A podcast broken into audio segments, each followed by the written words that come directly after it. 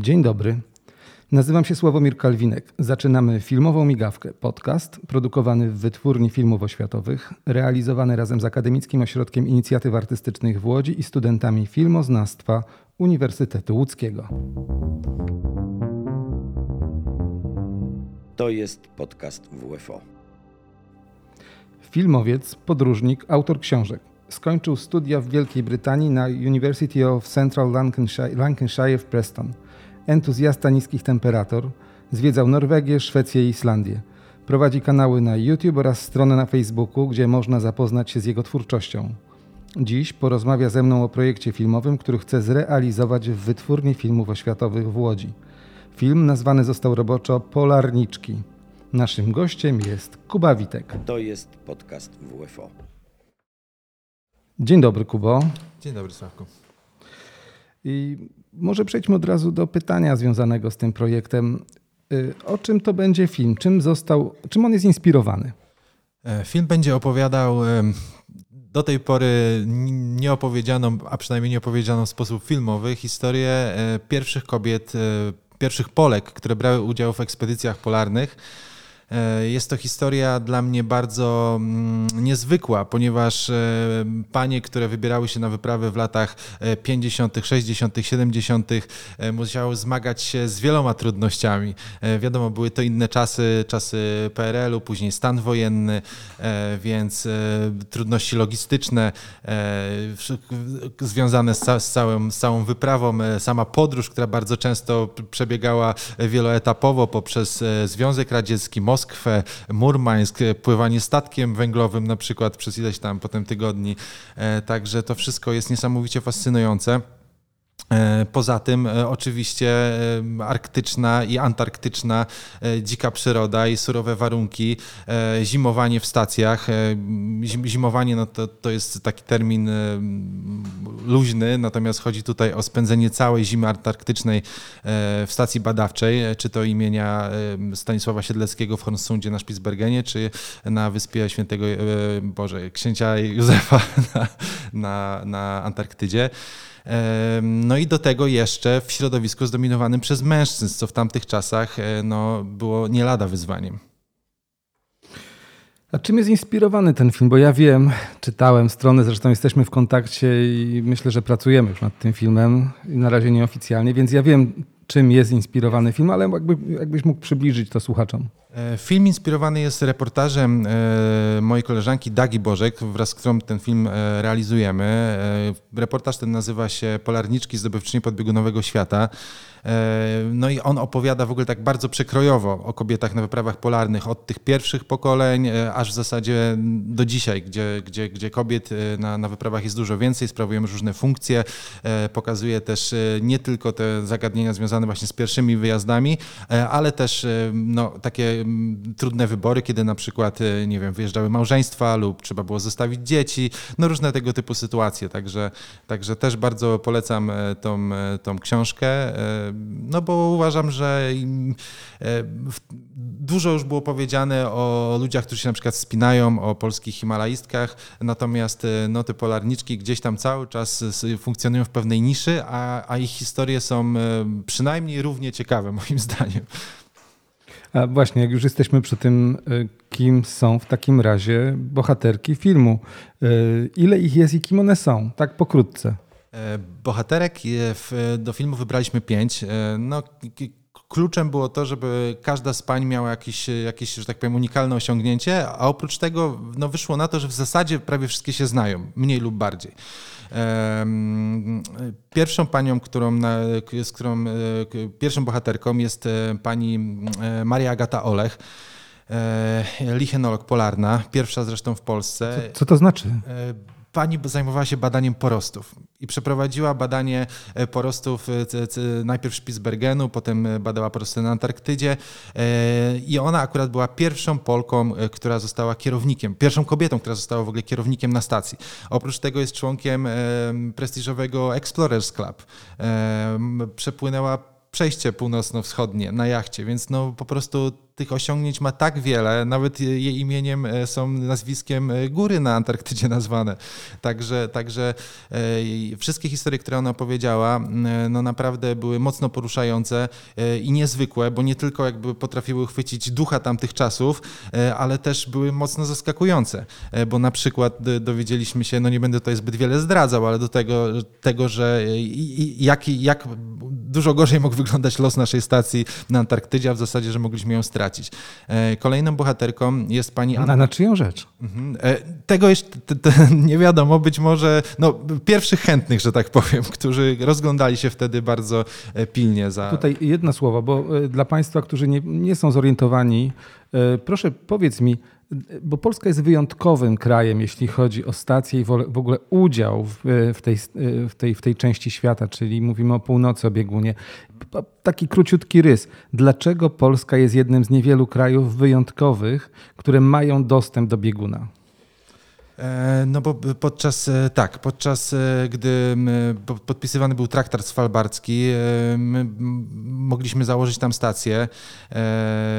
Dzięki temu, no wtedy jeszcze poprzez to, że no, naszym wielkim bratem był Związek Radziecki, no nie będę tutaj wchodził w, w kulisy historyczne, ale no jakby im to w pewnym stopniu było na rękę, więc na szczęście nasi naukowcy potrafili to odpowiednio wykorzystać. Założyli stację w, w, w Zatoce w Hornsundzie, zresztą w niesamowicie pięknym pięknym miejscu, w którym dzisiaj tej stacji nie można by było założyć, ponieważ tam jest rezerwat przyrody e, i no i już zresztą Norwegowie wielokrotnie chcieli tę stację przenosić, natomiast, e, no, natomiast nasza obecność tam jest bardzo silna. Dzięki tej pierwszej stacji zakładane były kolejne, e, podobnie zresztą na Antarktydzie.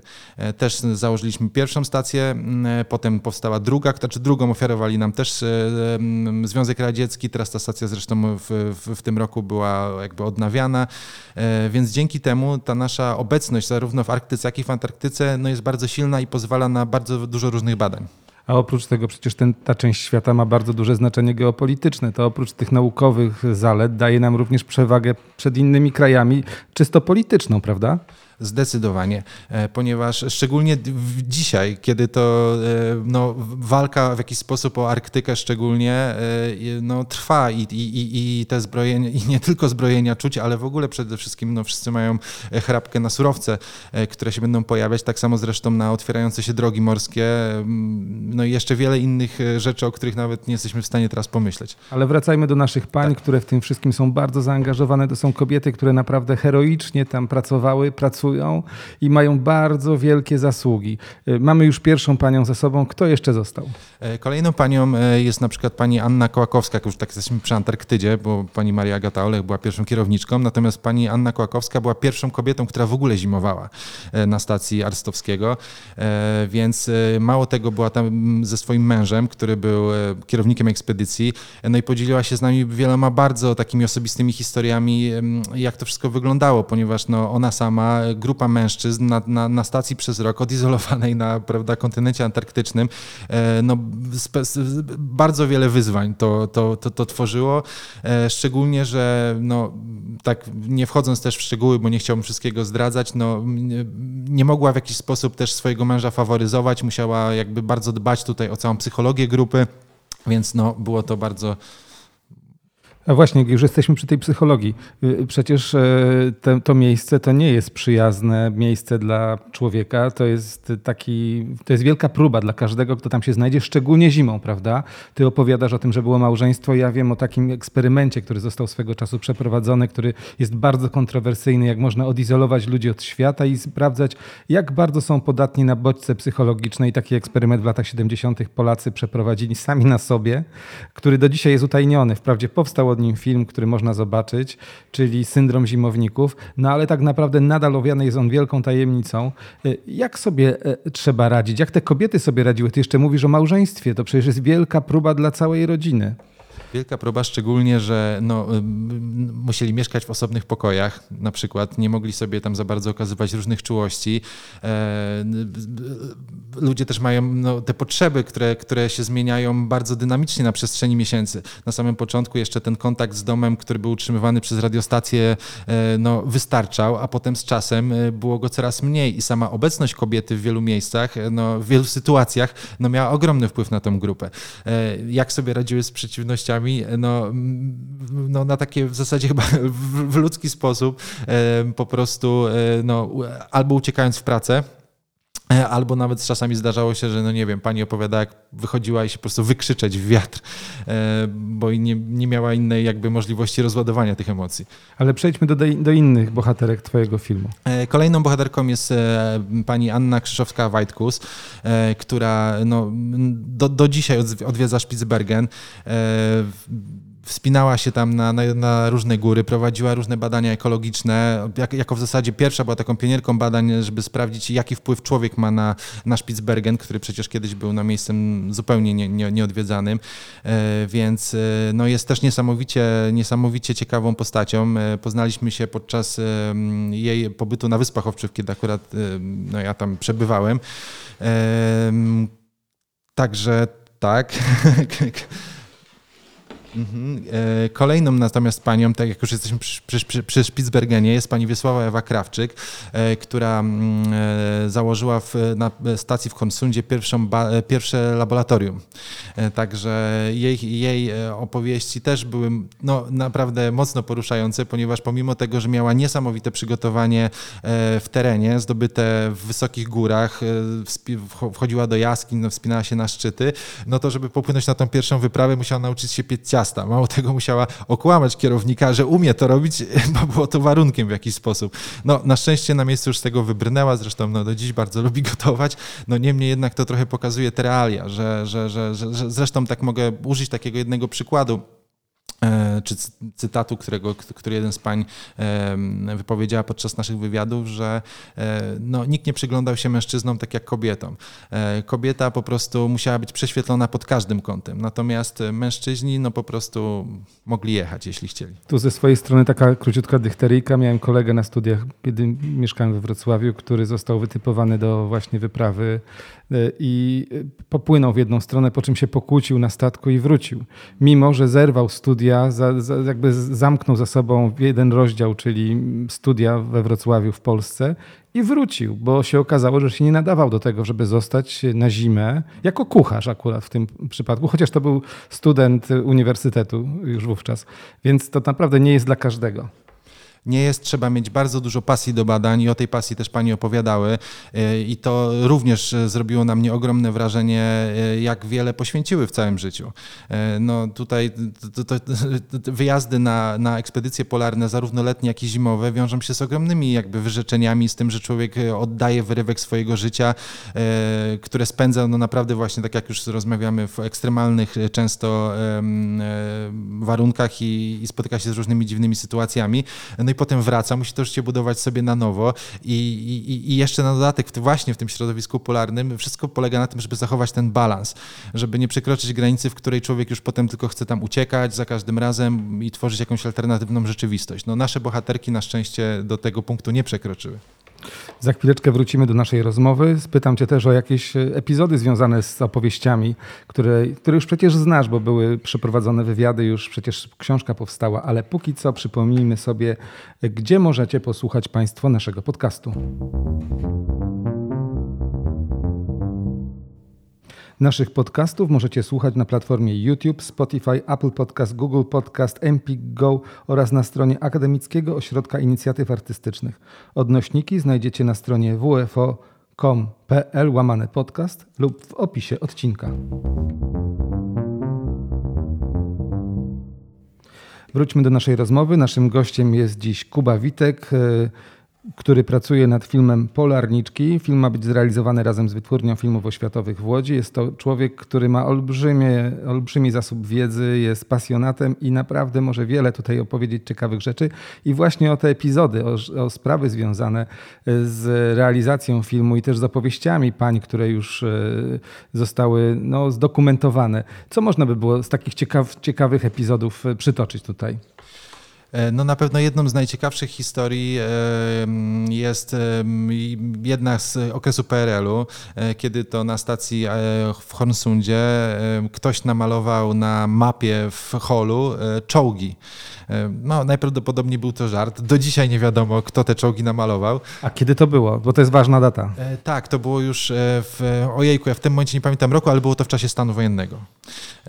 W każdym razie, no, więc ktoś te czołgi namalował okazało się, że... E, no dobrze, ale to się wydaje, że to jest nic. No, z naszej perspektywy czołg na ścianie, no cóż to znaczy? A wtedy? No do, dokładnie, mało tego. Ta, ta historia wyciekła. Znaczy, no oczywiście tak, żeby wejść tutaj w szczegóły, no to te czołgi były narysowane po stronie radzieckiej i lufy były skierowane na Polskę, więc no miało to na pewno, no było to bardzo wymowne w każdym razie.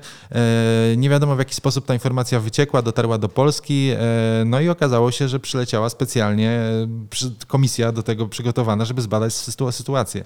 Czyli długie ramię Moskwy sięga nawet tam. Nawet tam, zdecydowanie. E, to nawet właśnie e, pani Anna Krzyszowska-Wajtkus, e, która wtedy właśnie na stacji stacjonowała, powiedziała, że w pewnym momencie pracowała w swoim laboratorium, spojrzała przez otwarte drzwi, zobaczyła pana w ciemnych okularach, w długim płaszczu, no zupełnie jak na filmach. A trzeba powiedzieć, że to jest całkowite bezludzie, gdzie żeby się dostać, to trzeba wykonać niesamowite rzeczy, trzeba no, mieć środki transportu, czas, pieniądze. Dokładnie. To nie jest takie proste. I nagle pojawia się człowiek, którego tam powinno nie być. Dokładnie tak, więc no była mocno zaskoczona, wyjrzała, on gdzieś tam poszedł. No okazało się, że przy, przyleciał przed, e, przed, żeby zabezpieczyć teren przed e, jakby oficjalnym tutaj e, wizytą towarzyszy, który, którzy przeprowadzą to dochodzenie. E, no okazało się, że jakby no, wina spadła na jednego z uczestników ekspedycji, który uciekł um, helikopterem norweskim, który przywiózł zaopatrzenie. E, zresztą wtedy no, za e, taką dezercję groziła kara śmierci w czasie stanu wojennego za opuszczenie Polski. No i w ten sposób niby sytuacja się skończyła. Natomiast e, pani Anna po powrocie do Polski została wezwana do Pałacu Kultury gdzie wtedy zresztą no, różne biura rządu komunistycznego miały miejsce. No i została wezwana na przesłuchanie, które było w takiej atmosferze bardzo poważnej przeprowadzone. Ciemny pokój, lampka w twarz. No i ona w takiej atmosferze, atmosferze grozy została poproszona o narysowanie czołgu. Także było to nie lada komiczne. No powiedziała, że może im namalować motylka, czy słoneczko, czy coś tam, no, natomiast czołgów nigdy nie malowała. No ale została do tego zmuszona. Czyli widzimy, jak bardzo to jest newralgiczne miejsce pod wieloma względami. No, niby się tam bada e, przyrodę i inne aspekty, na przykład psychologię człowieka, a z drugiej strony okazuje się, że to jest takie miejsce, gdzie po prostu stykają się interesy wielu krajów i to jest niesamowicie, no takie, no nie wiem jak to nazwać, no, miejsce, w którym wszystkie interesy się stykają i, i, i, i w którym ten jakby ten ogień, który gdzieś właśnie pod powierzchnią cały czas zaczyna jakby no coraz bardziej, e, jest coraz gorętsze, jest to coraz gorętsze miejsce po prostu. I, no, i tak, no i na pewno to się nie zmieni. Wraz ze zmianami klimatu i ze stopnieniem lodu będą odkrywane kolejne jakieś miejsca, kolejne surowce, kolejne rzeczy, o których nie wiemy, zupełnie sobie nie zdajemy sprawy, co, co tam pod tym lodem jest. W tym momencie zresztą już e, parę dni temu przeczytałem informację, że na przykład e, lód Grenlandii już w tym momencie przekroczył fazę krytyczną i nawet jakbyśmy przestali jakiekolwiek, e, zaprzestali wszystkich emisji, no to to już jest nie do zatrzymania. Temperatura, poziom wody na na świecie może się podnieść o 30 cm do 2030 roku, więc no, tak samo Arktyka, no, ogromne złoża. No, wszędzie w tym momencie trwa e, walka e, o dostęp po prostu. Wróćmy jeszcze, wróćmy jeszcze do filmu. E, w filmie Polarniczki będzie też bardzo ciekawa warstwa dźwiękowa, która towarzyszyć będzie obrazom. Co to, będzie, co to będą za dźwięki? Co to za muzyka? E, autorem muzyki do filmu będzie mój przyjaciel e, Łukasz Palkiewicz, znany pod pseudonimem Szat. E, jest to producent muzyki przede wszystkim elektronicznej z różnymi dokonaniami. No, współpracujemy od lat przy moich filmach, ponieważ znamy się jeszcze z czasów, kiedy ja byłem raperem, a on był producentem, więc tworzyliśmy razem taki zespół łączący trochę hip-hop z muzyką elektroniczną.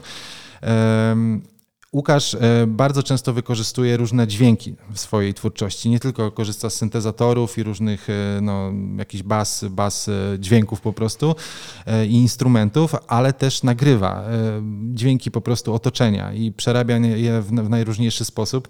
Więc w tym przypadku wpadliśmy na pomysł, żeby mm, wykorzystać dźwięki na przykład fok, które pływają pod, pod wodą, delfinów, łamiącego się lodu, no wszystkie, wszystkie jakieś związane z Arktyką i Antarktyką Antarktyką dźwiękiem. Czyli muzyka konkretna, jak to się mówi we współczesnej teorii muzyki. No, najprawdopodobniej tak. Do tego też planujemy z kolei ten wątek kobiecy troszeczkę rozwinąć i chcielibyśmy, żeby e, na ścieżce dźwiękowej pojawiły się instrumentalistki w każdym utworze, e, które też będą mogły jakby tutaj wnieść jakiś swój kawałek. Być może nawet powstaną utwory e, z no, śpiewanek. Co się udało, a co jeszcze jest przed tobą, jeśli chodzi o realizację tego filmu? Bo wiemy, że taki film nie robi się w trzy minuty. To trzeba bardzo dużo wysiłku, pieniędzy, wsparcia. My tutaj wsparcie z Wytwórni Filmów Oświatowych deklarujemy nieodmiennie. Będziemy się starali o różne dofinansowania, ale no, zanim to się stanie, to można już pracować nad filmem. Co się udało, a co jeszcze trzeba zrobić?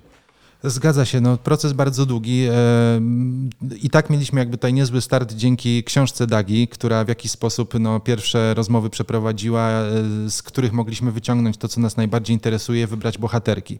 E, przeprowadziliśmy już e, sporo wywiadów z, z każdą z, z pań, z niektórymi spotykaliśmy się wielokrotnie. Nakręciliśmy też troszeczkę takich interakcji, w których mogliśmy między innymi zobaczyć muzeum, e, prywatne muzeum e, pani Marii Agaty Olech, które, ma, które założyła w Tylmanowej. E, no i to tak jadąc tam myśleliśmy, że to będzie po prostu tam parę jakichś drobnych przedmiotów, jakaś gablotka czy coś w tym stylu. Okazało się, że jest to no naprawdę bardzo, bardzo bogato wyposażone miejsce, w, zarówno w, w przedmioty pochodzące z Antarktydy, jak i z Arktyki, także no naprawdę zrobiło to na nas duże wrażenie, więc tutaj e, będziemy mogli trochę tego pokazać. E, no i oczywiście byliśmy też na, między innymi na Szyndzielni w Bielsku Białej. No, tro, troszeczkę się działo. E, bardzo fajnie też było, to tak szybko jeszcze dodam, to, że jakby, znaczy warto o tym wspomnieć, że Daga, która jest tutaj właśnie współautorką, a zarazem będzie taką prowadzącą film, sama zimowała na obu stacjach, dzięki czemu też mogła tą całą historię opisać, dzięki temu panie na początku jej zaufały. No i bardzo fajnie też można, myślę, że bardzo fajnie to będzie wyglądało w naszym filmie, kiedy te pokolenia się łączą i kiedy panie mogą porozmawiać o miejscach, o których, w których były, czy, czy, czy o jakichś zdarzeniach, czy o sytuacjach, bo pewne rzeczy e, po prostu się nie zmieniają, jeśli chodzi o wyprawy polarne. Ty też byłeś niedawno e, na wyprawie, więc masz wiele na ten temat do powiedzenia. Co cię spotkało i co jakie doświadczenie chciałbyś przenieść do tego filmu? E, to była e, moja druga wyprawa, e, taka ekspedycja polarna na Spitsbergen. Pierwsza była, znaczy polegała na tym, że byliśmy głównie na statku albo na takim jachcie polarnym i schodziliśmy na ląd kilka razy dziennie, czy tam no, na parę godzin, więc było to już duże przeżycie, szczególnie, że oczywiście na Spitsbergenie trzeba mieć ze sobą broń, rakietnicę, no, trzeba bardzo na wszystko uważać, no bo w każdej chwili może pojawić się niedźwiedź polarny, e, z których, no, który zazwyczaj będzie chciał tego człowieka unikać, niemniej jednak jeśli trafi się taki wygłodniały, no to może być bardzo agresywny, bardzo niebezpieczny. E, natomiast e, tym razem byłem na ekspedycji w, Zatoce Eidenbukta, która e, polegała na tym, że po prostu nas jako siedmioosobową grupę złożoną z litewsk, litwińskich naukowców plus no, polskiej ekipy tutaj takiej polarnej wysadzono na ląd, musieliśmy założyć obóz, więc była to już taka no, naprawdę wyprawa polarna, gdzie każdy z nas musiał mieć wachty, każdy miał obowiązki, no, musieliśmy wstawać w nocy, każdy musiał wziąć broń, rakietnicę, chodzić z więc no, dostarczyło nam to naprawdę dużo, dużo adrenaliny, szczególnie na początku. Później z każdym dniem oswajaliśmy się z tą arktyczną tundrą coraz bardziej. E, I na szczęście nic się nie wydarzyło strasznego, chociaż też e, no, y, wystarczył jeden dzień, w którym mocno padało i wiało i, i naprawdę no, potrafiliśmy poczuć to wyczerpanie. No, sam moment, który na przykład zaskoczył mnie najbardziej, e, no bo jeszcze wiadomo, jest w, w trakcie lata na Spitsbergenie występuje lato polarne, czyli słońce praktycznie nie zachodzi, e, odbija się jedynie od horyzontu, e, więc e, no, w zasadzie do końca, nawet jak jest bardzo nisko, to jeszcze jest ciepło, jeśli nie ma chmur, no ale wystarczyło, że zachodziło to słońce za góry, zaczynało wiać i nagle było normalnie minus 15 stopni mniej tak, znaczy przynajmniej takie było odczucie. Temperatura spadała tak gwałtownie i tak szybko, że po prostu no, z, z momentu, w którym człowiek jest w jakimś tam, nie wiem, jednej warstwie trzeba było się ubierać w kilka. Ostatnią noc e, spałem w spodniach, e, w, w kalesonach, w polarze, w kurtce puchowej i w śpiworze, bo, bo, bo tak ta pogoda się zmieniła, a na drugi dzień, a jak się obudziliśmy rano, no to mieliśmy piękny, słoneczny, najcieplejszy dzień na przykład. Także tych wyzwań było dużo i pozwoliło mi to no, troszeczkę lepiej zrozumieć to, czego doświadczyły panie, choć na pewno no, nie można tego porównać do zimowania na stacji.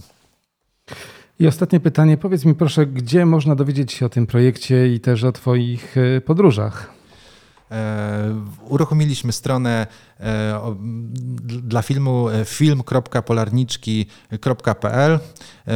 O samym projekcie też można poczytać na stronie polarniczki.pl po prostu, który prowadzi Daga i w, którym na bieżąco pojawiają się historie dotyczące różnych innych kobiet. Natomiast moje, moje podróże i moje filmy, które zrealizowałem do tej pory można obejrzeć na stronie kubawitek.com. Dziękuję bardzo Kubo za to spotkanie, za przybycie i opowiedzenie o filmie. To jest bardzo ważne dla wytwórni filmów oświatowych, żeby wrócić do tej tradycji, jaką było, było produkowanie filmów podróżniczych i filmów o, również o Spitsbergenie, czego mamy olbrzymią e, e, taśmotekę w archiwum. Także dziękuję Ci bardzo i do usłyszenia. Ja, ja, również dziękuję. Jeszcze tylko chciałbym szybciutko dodać na sam koniec, że jest bardzo duża szansa, że w związku z, nagra z nagraniami do tego filmu e, polecimy na Antarktydę. Także proszę o trzymanie kciuków. To był podcast Filmowa Migawka. Dziękujemy bardzo za to spotkanie, dziękujemy za wysłuchanie naszego podcastu. Seria podcastów pod nazwą Filmowa Migawka to nie tylko rozmowy z twórcami związanymi z wytwórnią filmów oświatowych, znanymi w Polsce i na świecie reżyserami, operatorami czy innymi, czy innymi osobami związanymi z branżą filmową. To spotkania ze studentami łódzkiej szkoły filmowej, młodymi artystami, którzy dopiero wchodzą w świat wielkiej kinematografii i z uznanymi twórcami. Zapraszam na następny odcinek, który, odbędzie, który będzie wyemitowany już za tydzień. Do usłyszenia